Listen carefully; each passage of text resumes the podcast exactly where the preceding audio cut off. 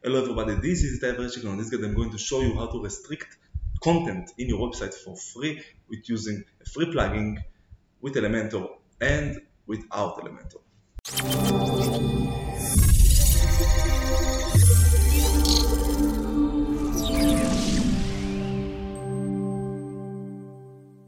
Okay, so in order to be able to restrict any content you want from registered users or unregistered users, you have to download the plugin Restrict for Elementor, which complied with Elementor Pro or any Elementor you want. You can download the Elementor Pro from the description below. I put in the link down there. This is the plugin. As you can see, it has less and not a lot of reviews than another plugin I know.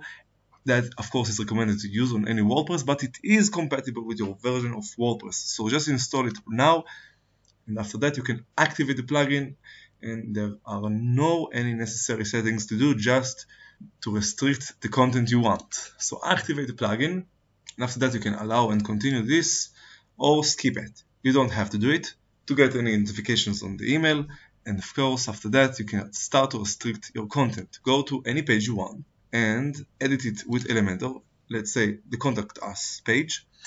Now I can only restrict columns and areas, sections. So I can choose to restrict this section for an example. On this content tab you can see that you can restrict your content from logged in users.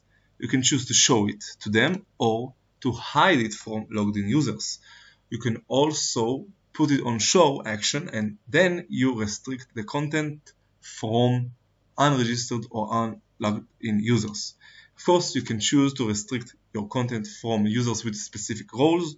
You can show or hide it from them. Any role you have on the website, you can of course add new roles all the time. And you can of course restrict your content from users with specific capabilities that you add right here. Of course, you can also restrict the content by meta value, meta keys if you have on the user's backend that you put.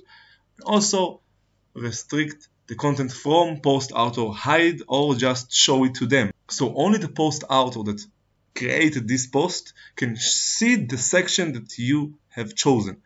Of course, whoever else is not the post author will not see this content and it is restricted from him. And this is how you do it very easily and very fast. Is so it's very easy to restrict content in your website for registered users. If you have any more questions, you can write them in the comments below when I will comment. And on the first comment, I put it into my full guide on my website. And if you like this video, you can like, subscribe, comment, and share. And good luck.